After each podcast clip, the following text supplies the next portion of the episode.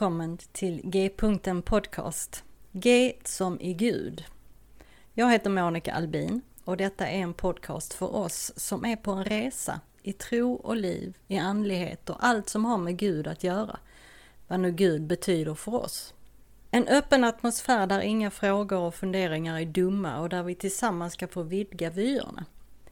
G-punkten betyder att Gud är mittpunkten, i centrum av samtalen och genomsyrar allt och alla. Och därifrån är vägarna öppna att fortsätta framåt och utforska nya vyer. Samtala de stora frågorna på ett vardagligt sätt hoppas jag att podcasten ska kunna erbjuda. Tack för att du vill vara med på den här resan. Så välkommen på resan mot G-punkten.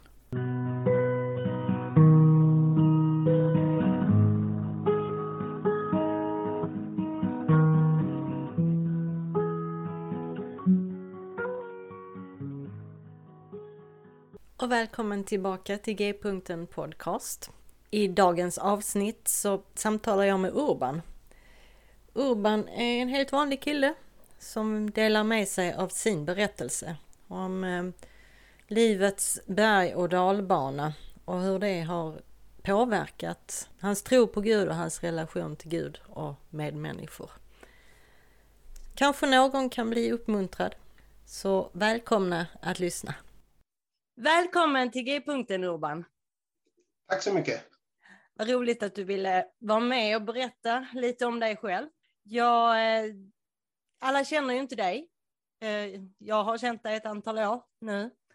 Men du kan väl bara presentera dig alldeles kort, vem du är, vad du gör, kanske lite om din familj. Ja, jag heter Urban Arvidsson. Jag är 44 eh, år, bor i Örebro jag arbetar på en eh, förskola här i Örebro. Jag är utbildad barnskötare. Jag är gift med Maria och vi har eh, två döttrar. Eh, på fritiden så är jag mycket ute och promenerar. Jag har en blogg så jag bloggar en hel del och predikar lite då och då. Mm. Och det är ju så vi har träffats kan man säga. Du, du har dina svärföräldrar i Tranås på Frälsningsarmén i Tranås till och med, där vi var kårledare. Så du har vikarierat för oss ett antal gånger när vi var lediga. Ja, det stämmer det. Sen så vet jag ju, så du har ju skrivit en bok också. Ja, det stämmer det. Som ja. du har skrivit förordet i också. till och med det, ja. Det är några år sedan nu. Ja, jag kommer inte riktigt ihåg hur många år sedan det är, men det är några år sedan. Ja, en bok med lite småtexter om eh, livet. Ja. 77 små korta texter om livet på olika sätt. Just det. Kan du berätta vad den heter? Eh, Vägen blir till medans vi går. Just det. Just precis. Var kan man hitta den om man är intresserad? Ja, man skulle kunna beställa den via mig, via min blogg till exempel. Mm lägger jag upp alla länkar som behövs i avsnittsbeskrivningen så här sen och även på den här podcastens blogg. Ja. Eh, sen vet jag ju att du också kallas för kladdkakemannen. Ja, det stämmer.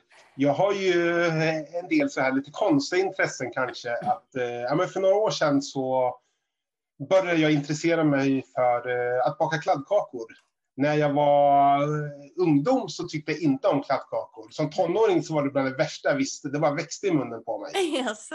Eh, men sen har jag en kusin som bakade goda kladdkakor och började, hon började experimentera lite och då fortsatte jag med det. Så jag har en eh, blogg där jag lägger ut recept på olika slags kladdkakor. Jag tror att det är över hundra recept nu faktiskt. Wow. Ja, då ska, då, då ska jag se till att lägga ut eh, länk till den också. Ett lite så här sjukt intresse kan man eh, tycka. ja, men, men säkert väldigt, väldigt gott. Ja. Eh, ja, jag har smakat en del av dem, så jag vet att det är gott. Du, det är alltid roligt och intressant för mig ju att få höra människors berättelser, för att våra liv är ju berättelser. Och eh, ibland så kan man ju fastna lite i fel berättelse som man sen behöver ta sig ur för att kunna leva vidare och utvecklas som människa. Så vill du berätta din berättelse? Om du börjar med din Med din barndom, med din uppväxt, om du är uppväxt i ett kristet hem eller när tron kom in i livet och hur tonår och ungdom såg ut och så vidare. Så börja från början. Eh, jag kommer från eh, det lilla samhället Laxå som ligger precis mellan eh, Stockholm och Göteborg. Mm. Jag är uppvuxen i ett kristet hem. Båda mina föräldrar var med i pingstförsamlingen i Laxå. Mm. Så att kyrkan och tron har ju varit en naturlig del av mitt liv, kan man säga. Som barn följde jag med till kyrkan, jag gick på söndagsskola. Och det var där jag hade stor del av eh, mina kompisar. Det, det, det var, fanns många familjer med eh, vuxna i mina föräldrars ålder och sen barn som var i min ålder. Så det var ganska naturligt umgängeskrets där. Eh, jag kan inte minnas att jag tvingades att följa med till kyrkan, utan det var mer att jag tyckte att det var roligt och sådär. Eh, och det var, det var liksom naturligt att gå på, sen när man blev äldre var det naturligt att gå på söndagsgudstjänster och allting som var i kyrkan. På ett sätt skulle man kunna säga att jag alltid har varit kristen. Jag har liksom inget sånt där tillfälle där jag känner liksom att jag blir frälst. Inget före eller efter. Nej. Utan jag har alltid varit kristen på något sätt. Mm. Ibland kan jag vara lite avundsjuk på människor som har vuxit upp utanför kyrkan. Som har kommit till tro och fått sitt liv förändrat jag saknar liksom den där upplevelsen. Mm. Utan jag har växt in i tron där mina föräldrars tro har förvandlats till min egen tro på något sätt. Ja.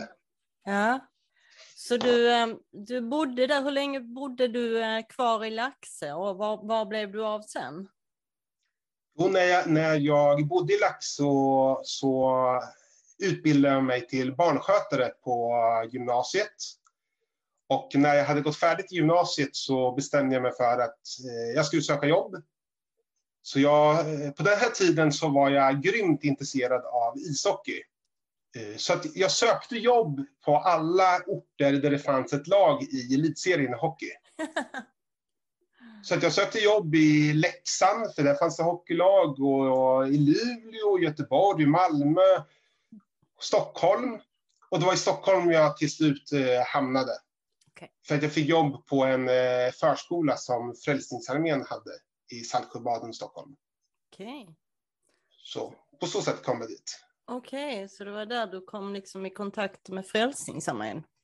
Ja, det var, det var också på den förskolan som jag träffade min fru Maria, som eh, var medlem i Frälsningsarmén innan då. Ja, just det. Ja, det har alltid undrat var ni träffades någonstans. Ja. och sen, eh, ja, ni, när, när gifte ni er? Vi gifte oss eh, år 2000. År 2000 var det. Okay. Jag tror att det var samma dag som Öresundsbron invigdes. Oh. Jag är inte helt säker, men för, första juli 2000. Ja, coolt. Ja, ja. det, är, det är ett antal år nu ju. Det är, ja. det är bra jobbat. Tack, tack. Sen så vet jag ju att eh, du har haft en del trauma i ditt liv. Och eh, det eh, skulle jag önska att du ville berätta om nu. Ja, men när jag flyttade till Stockholm så, ja, men runt millennieskiftet där, så började det med att jag fick ont i bröstet många gånger. Jag fick ett tryck över bröstet som gjorde att jag svimmade. Mm. Det var som att någon satte en kniv i bröstet på mig. Hur nu det känns, det vet ju inte jag, men man brukar ofta säga så. Mm. Jag åkte in till sjukhus gång på gång på gång. De gjorde massor med undersökningar. De kunde inte hitta vad det var för fel.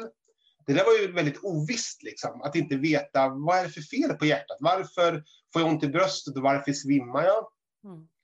Eh, men efter många undersökningar så konstaterade de att jag behövde en pacemaker. Så. Och för mig så var inte det här så märkvärdigt på något sätt. Liksom. Oj, nu, oh, vad skönt, nu har de hittat liksom, felet på var, varför jag har det så här. Jag får en pacemaker. Åh, oh, vad bra. Mm. Och jag tänkte inte så mycket på det där på dagen, utan eh, sen kom jag på på kvällen när jag och min fru var på ICA och handlade att ja, men nu har ju doktorn ringt och talat om varför vad, vad, vad de ska göra med mig. Så jag sa det mitt i kön på ICA till min fru. Du, jo, du, doktorn ringde eh, förut idag. Jag ska få en pacemaker. För henne var inte detta riktigt samma sak som för mig.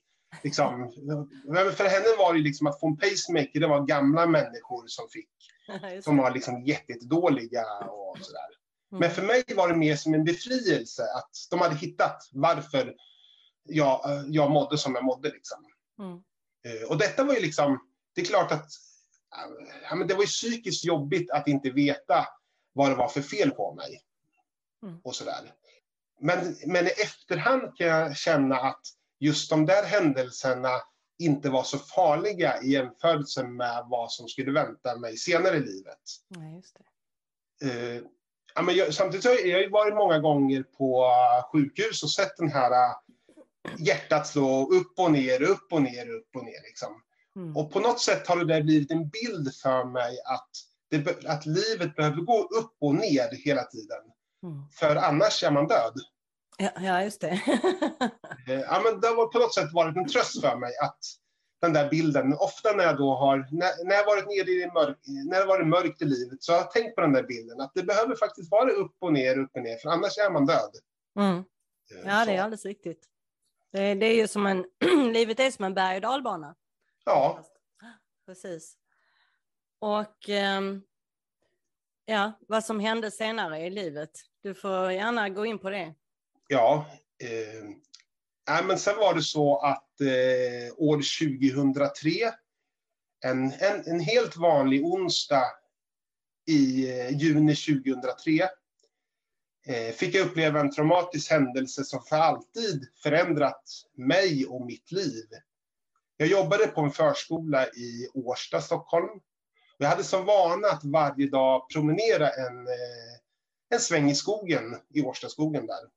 Och denna vackra och sköna försommardag var inget undantag.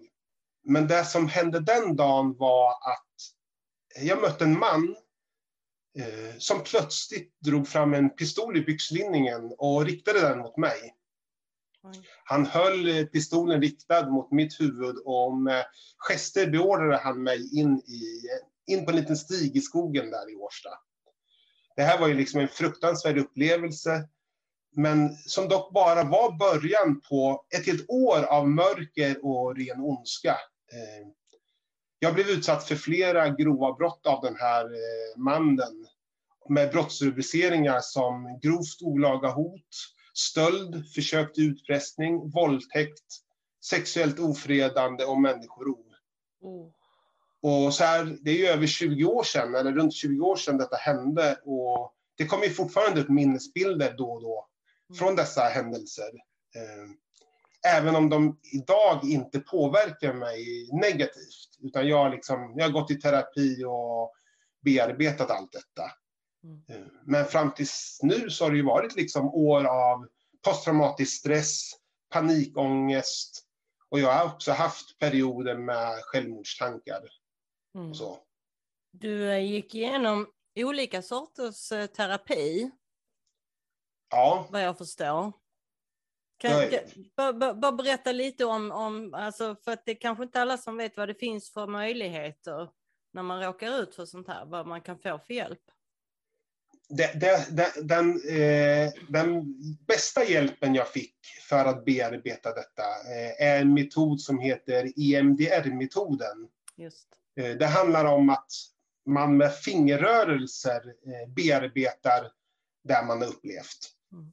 Det är så att eh, psykologen eh, håller ett finger framför ens ögon som man sen ska följa fram och tillbaka eh, jättemånga gånger. Ja, med blicken ja. Mm. Med blicken. Och när man gör detta så, men så blir minnesbilderna klarare på något sätt. Mm. Och när man gör detta så har man också med sig liksom, minnena men också försöka känna hur det kändes då och hur det känns nu.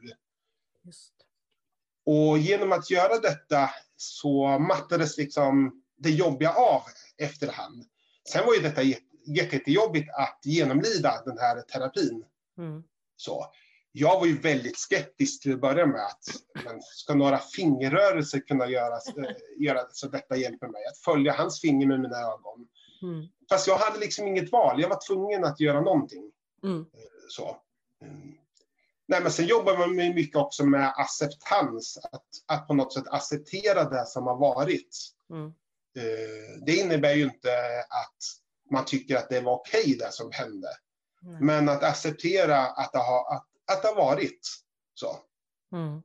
Också acceptera hur man själv har eh, bemött det hela. Hur, vad, vilka påverkan det har fått på en under årens lopp.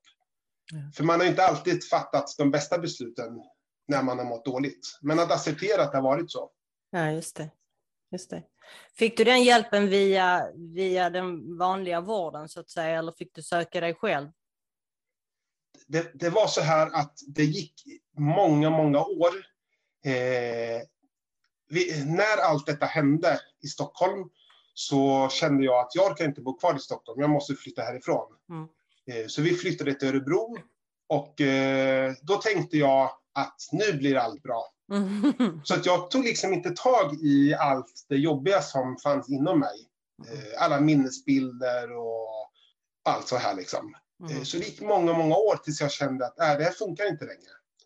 Eh, Så jag åkte ner till eh, psykiatriavdelningen på sjukhuset där i Örebro och sa att nu måste ni hjälpa mig, jag klarar inte det här längre. Mm. Eh, Så jag fick vara där några dagar och, och de undrade, men vad vill du ha för hjälp? Ja, men jag måste ha samtalshjälp och bearbeta detta. Mm. Och då fick jag veta att ja, vi har typ ett halvårs väntetid. Och jag bara, "Nej, men det, jag kan inte vänta ett halvår, det är omöjligt. Men då hade jag redan, visste jag att Sankt Lukas-stiftelsen fanns i Örebro. Okej. Så jag tog kontakt med dem och började gå, kunna gå där nästan direkt. Mm. Eh, men då fick jag betala fullt pris. Eh, och, och inget högkostnadsskydd. Och jag var på dem om att skicka remiss dit, men det var de inte villiga på. Eh, Nähä. men, så jag fick tjata och tjata och tjata och till slut så godkände de en remiss. Ja, vad skönt. Eh, Och på ett sätt så kan jag känna liksom, kan jag vara tacksam för, den där, för det där att de inte godkände, för det fick mig också att visa för mig själv och för min omgivning att nu tar jag tag i mitt liv, nu ska jag se till så allt blir bra. Ja, just det. Men, Ja, du, du var ändå, du visste vad det var du behövde och du, du kämpade för det. ja, det gjorde jag. Sen finns det ju människor som inte, som inte klarar det. Alltså Ja. att kämpa för sin egen del. Så att det, är, det är lite dubbelt det där. Men, men Sankt Lukas är ju, de är väldigt duktiga. Vad jag förstår. Ja. Och, Ja, och jag fick liksom en, en psykolog som både förstod det psykiska men också det, de andliga frågorna och funderingarna som jag hade. Precis. Så vi går in lite på det. Vad hände med din tro? Med din relation med Gud, med i, i allt det här med som både de traumatiska händelserna men också det mörker som du hamnade i. Liksom. Ja, men när jag blev utsatt för alla dessa grova brott så kändes det som att Gud hade övergivit mig. Mm. Eh, för vart var han liksom när, när jag fick en pistol riktad mot, mot mitt huvud? Mm. Vart var han när jag blev våldtagen i en grusgrop utanför Uppsala? Eh, och vart var han när jag blev kidnappad? Och vart var Gud under alla dessa år när jag liksom led av posttraumatisk stress? Um, det har man ju frågat sig många gånger, liksom, vart han var. Men ganska fort efter att allt detta hände så var det en vän till mig som, eh, som sa att det är inte konstigt att du känner dig övergiven av Gud. Jesus han kände sig också övergiven när han hängde på korset. Och han var ju Guds son. Men du är ju inte ens en halvgud. Du är ju en helt vanlig människa. Så det är inte konstigt att du känner dig övergiven. Ja, och där blev de här orden som Jesus säger på korset, min Gud, min Gud, varför har du övergivit mig? De blev väldigt viktiga för mig. Mm. Ja, men det kunde finnas människor som kom med vackra, fina bibelord och ville, ge, ville trösta mig när jag mådde dåligt. Ja, jag tänkte just fråga dig. Fick, du, fick du förklaringar inom citationstecken? Ja, ja lite förklaringar, lite sådär fina, fromma bibelverser som, var, som är vackra och som jag tror är sanna. Mm. Men just när jag var i mörkret så passade de inte alls in. Nej. Eh, däremot så passade detta in liksom att Jesus har också känt sig övergiven. Mm. Mm. Och om han har känt sig övergiven så vet han hur jag kände det. Mm. Så, eh, och det var jätte, jätteviktigt för mig. Ja.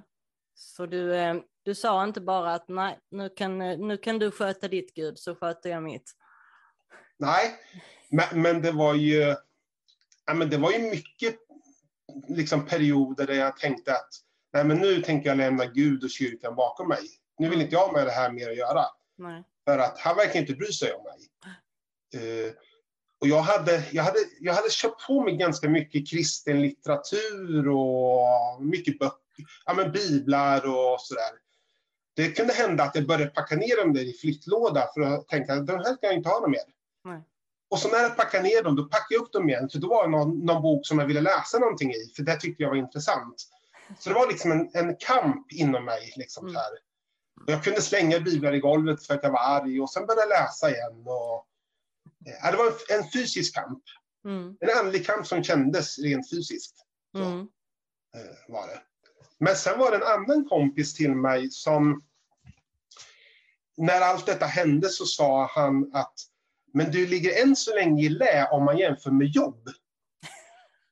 Eh, om, visst, man kan, man kan ju tycka att detta är en märklig kommentar att få liksom, när man mår psykiskt dåligt. ja, verkligen. Eh, men, men på något sätt så var den här kommentaren viktig för mig. Den blev viktig. Eh, och jag tror inte att han ville bagatellisera mitt lidande. Utan det handlade nog snarare om att han ville visa att man kunde få tröst, styrka och hjälp av jobb i Jobbs bok. Mhm. Eh, för faktum är att Jobb blev en kär vän till mig eh, under den här tiden när det var mörkt i livet Mm. i flera månader så andades jag och eh, levde Jobs bok. Mm. Jag upptäckte att han bar på samma tankar, samma känslor och samma frågor som jag hade. Mm. Och han blev en, liksom en förebild för mig där. Eh, han visade mig tydligt att man kunde ge utlopp för sina känslor och sätta ord på dem. Och han dolde dem inte för Gud, Nej. utan han sa till Gud precis vad han tyckte. Mm. Mm. Eh, och det började jag också göra. Jag började säga till Gud vad jag tyckte och tänkte och kände. Ja. Eh, jag tänker om Gud har skapat oss med känslor så är det väl ändå meningen att vi ska använda dem, Absolut. eh, tänker jag. Och vi behöver liksom inte oroa oss för att såra Gud eller att Gud vill eh, ja, men bli rädda för oss om, när vi får våra utbrott mot honom på grund av livets omständigheter. Utan han, han står alltid kvar där. Eh, Så ja, jag, jag, liksom, jag öste ut min ilska, min sorg, mina tvivel, min bitterhet och min besvikelse, min frustration och mina frågor. Och han kunde liksom ta allting. Han stod kvar hela tiden. Mm.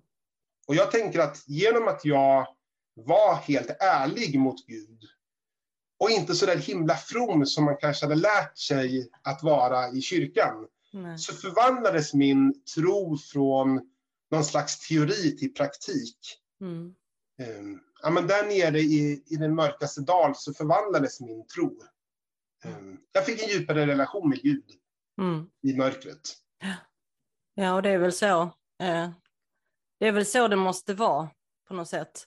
Det är där nere som eh, vi både möter oss själva och möter Gud. Eh, för, för att kunna komma vidare.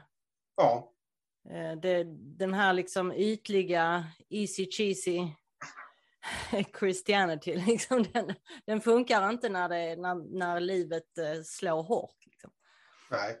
Och, och jag tänker så här att vad är egentligen det största hånet mot Gud? Att vi liksom håller god min, ärar honom med våra läppar eller att vi gör som jobb och går till rätta med honom? precis. Eftersom Gud ändå vet vad vi tänker, tycker känner så är det ju mest ärligt att faktiskt säga det till honom också. Ja men absolut, jag håller med dig. Och eh, om man går till, till Jobs bok där som du eh, berättar om så eh, kom ju hans vänner som skulle trösta honom och, och istället sa att nej men du måste ha gjort någonting dumt för att Gud skulle straffa dig. Liksom.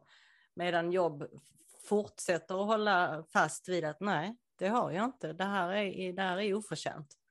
Mm. Så att eh, de hade de här förklaringarna. Men Jobb höll fast vid att nej, så är det inte. Det här är, det här är mellan mig och Gud. Liksom. Mm. Så, eh, mm. Men hur har du, ehm, jag menar livet har ju inte varit en räkmacka sedan dess heller vad jag förstår, utan eh, livet har ju gått eh, lite upp och ner. Så hur, hur har du navigerat genom mörker och motgångar därefter? Nej, men livet har ju som sagt inte varit ljust sedan dess bara, liksom, utan mitt liv har ju gått upp och ner eh, genom åren efter det. Mm. Även om det inte har varit så där mörkt igen någon gång. Mm. Ehm, men jag tänker att genom de här erfarenheterna som jag fick då om hur jag kan vara gentemot Gud när det är jobbigt i livet, så har jag kunnat fortsätta vara det när det har varit jobbigt. Då har jag ifrågasatt honom, jag har tvivlat på honom och varit upprörd och sådär. Mm. Eh, och det har liksom hjälpt mig vidare när det har varit jobbigt. Mm. Men också på något sätt, jag, ja, som jag sa i början där, att jag har insett att livet är upp och ner. Mm. Så att jag har accepterat att mitt liv ser ut så, även om jag tycker att jag eh, har fått lite oförtjänt mycket lidande i mm. livet. Mm. Jag brukar klaga på Gud om det. eh, men jag har inte fått något svar varför det är så. Och, och, det där är också en sån där grej att ja, men jag har många gånger undrat varför så mycket jobbigt har hänt just mig. Mm. Eh, men jag får ju liksom aldrig något riktigt bra svar på det. Nej. Och kanske är det så att ibland, eller kanske snarare rätt ofta är så att svaret inte får sista ordet. Eh, men ett tag kämpade jag mycket med att Gud på något sätt skulle ha en plan med allting som skedde. Eh, ja, men så är man uppvuxen lite i kyrkan, det här att, att det finns en plan för alla människor. Och... Fick du höra det? När det var liksom, när allting hade hänt, ja, men det här är någonting som, det, det är en, Gud har en större plan för det här. Eh, jo, men jag, det har jag fått höra. Ja. Eh, att eh, att det, fin det finns nog något gott i detta mm. och sådär, det har jag hört. Eh, men jag fick inte det att gå ihop. Nej. Alls. Nej. Och, eh, men så fick jag hjälp av en väldigt bibelkunnig person som visade mig på Romarbrevets åttonde kapitel. Där det står att allt skapat har lagts under tomhetens välde. Eh, och, och sa att, liksom att vissa saker som sker, det är bara tomhet. De är helt meningslösa. Vissa saker som sker är verkligen inte Guds mening. Och för mig blev det där en hjälp och en tröst att vissa händelser är fullkomligt meningslösa. Mm. Eh, för jag höll ju på och försökte finna en mening i varför saker hade hänt mig. Mm. Men när jag släppte det där så vart det mycket bättre. På något sätt. Mm. Uh, och det är det som, jag har en favoritförfattare som heter Philip Jensi. Han har ja, uttryckt det så här. Gud låter oss kanske sväva i okunnighet därför att varken Jobb, Einstein, du eller jag skulle begripa hans från ovan-perspektiv. Om det nu är så att Gud hade en mening med det som hände mig, så skulle jag ändå inte förstå den meningen. Eh, men sen tror inte jag att det finns någon mening med svåra händelser eller tragedier. Nej. Men samtidigt så tror jag att vi i efterhand kan ge dem ett värde. Mm. Tillsammans med Gud så kan vi skapa en mening av meningslösheten. Mm. Ehm, att, liksom att händelser som i sig har varit helt meningslösa eh, kan ha konsekvenser som ger mening. Men det är viktigt att ändå komma ihåg då att det är inte just därför det händer. Precis. Det, eh, och det här liksom, det är svåra saker att prata om. Mm. Eh, men så här i efterhand så kan jag uppleva att liksom vissa saker som jag upplevt, vissa saker som det har lärt mig, har jag haft nytta av i livet sen. Mm. Så på så sätt så kan jag ju se en mening i vissa saker. Mm. Samtidigt som det som hände var meningslöst. Ja, precis. Precis, man, eh, man kan ge det någon slags, eh, eller man, kan, man lär sig av det. Eh, ja. oavsett på något sätt. Men det, är inte, det hade varit okej okay om det inte hände. Liksom. Ja, det, det, det, det, har ju varit ett högt pris att lära sig det jag har lärt mig. Yeah. Och sen tänker jag att, att finna en mening i meningslösheten Mm. Det kan man bara göra själv, personligen. Mm. Mm. Man kan inte säga till någon annan att den ska finna mening i någonting den har varit med om. Utan den måste man finna själv. Så. Precis. precis. Och det, det känns väl ganska viktigt det där också att eh, tänka på det, att inte eh, kläcka ur sig någonting till någon som varit med om någonting svårt, att eh, ja, det finns en mening med det och den får du finna och så här, utan det, det är någonting som man måste komma fram till själv. En annan sak som många var på mig om, det var att många kunde inte förstå att jag var arg på Gud. Nej. Eh, för att de tyckte att men, det är inte Gud som har gjort detta mot dig. Nej. Och jag bara, nej, det tror inte jag heller att det är Gud som har gjort så att jag har eh, blivit utsatt för de här grova brotten. Men han har inte förhindrat det heller. Nej. För om, om, jag tror ju faktiskt på en eh, Gud som har all makt. Okay. Om man nu har all makt så hade han ju kunnat hindra det. Mhm. Eh, så. Och det där är också spännande, varför, att, att kristna inte tycker att man ska vara arg på Gud. Nej, Vem ska man då vara arg på? på Mm. liksom? Mm, mm, Eh, För mig var ju, har ju det varit jätteviktigt att få vara arg på Gud, för det har ju gjort att min tro har vuxit. Vi har kommit närmare varandra, Gud och jag, för att jag har varit ärlig mot honom. mm, mm, mm. Så. Ehm, Men Och det också inneburit att eh, ja, men, det fanns människor som inte kunde förstå heller att jag kunde tvivla på Gud. Mm. Eh, och jag tänker, jag kanske inte tvivlade så mycket på hans existens, nej. utan mer på om han verkligen brydde sig om lilla mig. Liksom. Mm, mm, Och kunde man få höra så här liksom att, ja, men hur kan du som upplevt så mycket av Gud tidigare tvivla på honom nu? Du som har fått så mycket hjälp av honom tidigare, varför tvivlar du? ja, Ja, jo, men jag tvivlar ju just för att han... Jag har fått hjälp tidigare, men Mm. nu när jag ville ha hjälpen så fanns han inte där. nej, just det. Ehm, Just det. Och för mig har ju då eh, tvivlet blivit en väldigt viktig del av min tro. Mm, Eller som en psykolog som jag gick till sa att tvivla, det är din tro.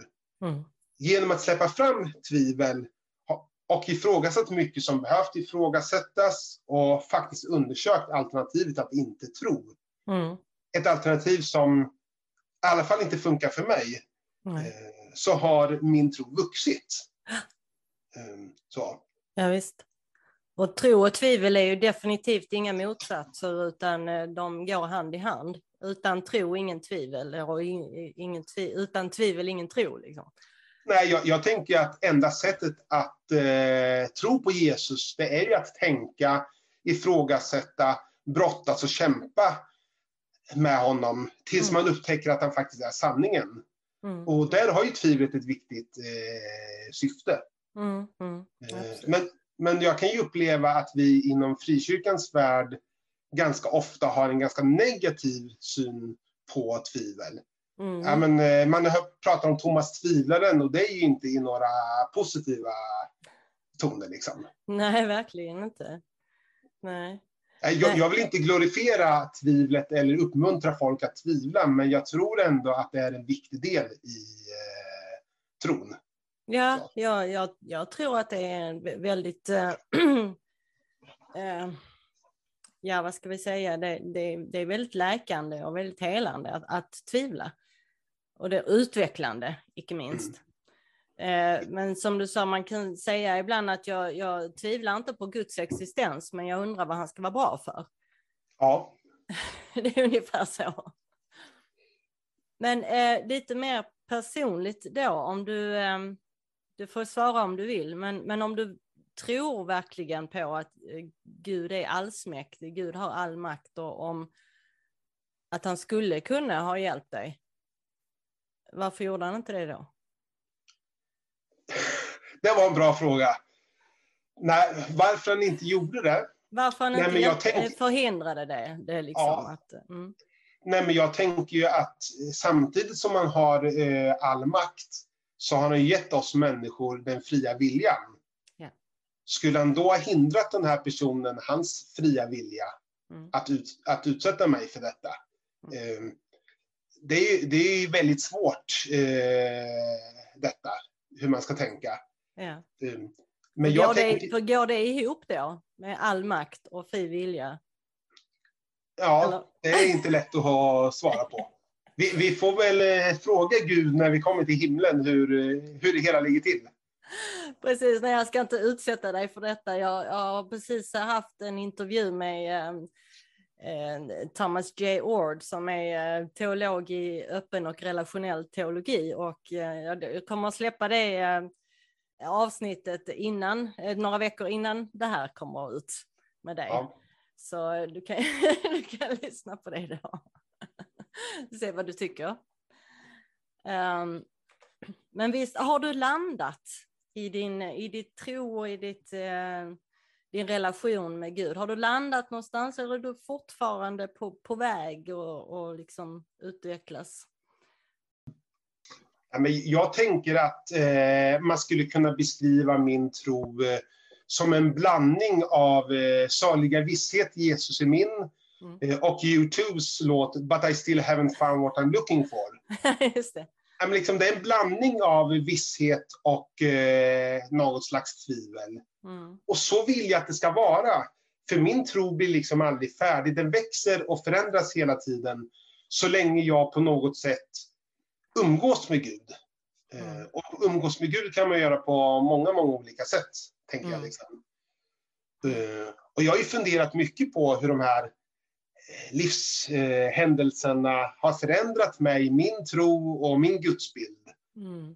Idag tror jag liksom mer på en gud som i ena stunden får eh, hutta med näven åt och i nästa stund tillbe och lovprisa. Mm. Liksom, eh, ja, men min tro har blivit djupare, bredare och mer personlig. Mm. Eh, för där nere, på livets botten, så fanns Gud. Och han var med mig i lidandet. Även om det inte kändes så alltid, så var han där. Ja. Eh, ja, men eh, den här berättelsen eh, Fotspår i sanden. I sanden ja. Mm. Eh, de här, eh, där det är två par fotspår och sen emellanåt så är det bara ett par eh, fotspår.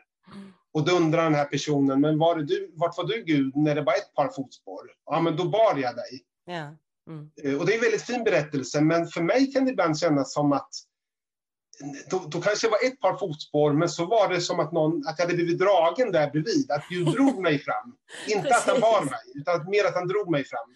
Precis. Över, över eh, jobbigt eh, underlag. Liksom. Precis, ja. ja. Nej, men att, att få ifrågasätta till och med det heligaste har fått min tro att mogna och fördjupas. Mm. Och jag tror att Gud uppskattar att vi brottas med honom. För brottningen kan stärka vår tro och få oss att komma närmare honom. Mm. Det finns ju kanske en anledning att det eh, finns en hel bok i Bibeln som heter Klagovisorna. Så... Ja.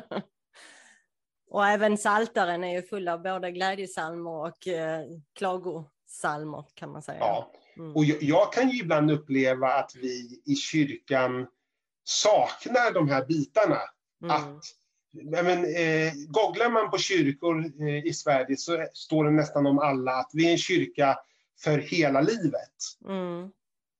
Fast jag vet inte om vi alltid är en kyrka för hela livet. När det är som mörkast, är det till kyrkan människor vill gå då? Där alla verkar vara glada och var finns utrymme för det allra jobbigaste? Att må mm. dåligt liksom. Precis. Är det någonting som du tycker att jag har glömt att, att ta upp med dig, fråga dig om? Någonting mer du vill berätta? Nej, men man, man skulle kunna säga så här också att, att min tro har ju förändrats så att inkarnationen har blivit viktigare mm. eh, för mig. Mm. Att Gud faktiskt blev människa och därmed kan känna med oss. Mm. Eh, förr såg jag kanske mer Gud som en regissör som regisserade mitt liv. Mm. Nu ser jag honom mer som en medvandrare och en person som har medlidande. Mm. Mm. Ja, just det. Jesus sa ju att han var vägen och den väg går man ju på tillsammans med någon. Så att, ja. ja. Ja, men det är väl, det är väl fint. Så du är fortfarande på en vandring både i tro och, och liv. Och det, är ja. väl, det är väl bra det. Och den här vandringen den fortsätter ju hela tiden. Liksom. Precis. Och den går upp och ner, upp och ner. Precis, för när du stannar så är du död. Ja. ja precis. Um, du, jag har en uh, fråga kvar som jag brukar ställa till alla mina gäster. Och det är, var finner du njutning och välbehag just nu? Uh, jag har uh, precis varit sjukskriven på grund av eh, utmattningssyndrom. Mm. Eh, och precis kommit tillbaka och börjat jobba lite smått.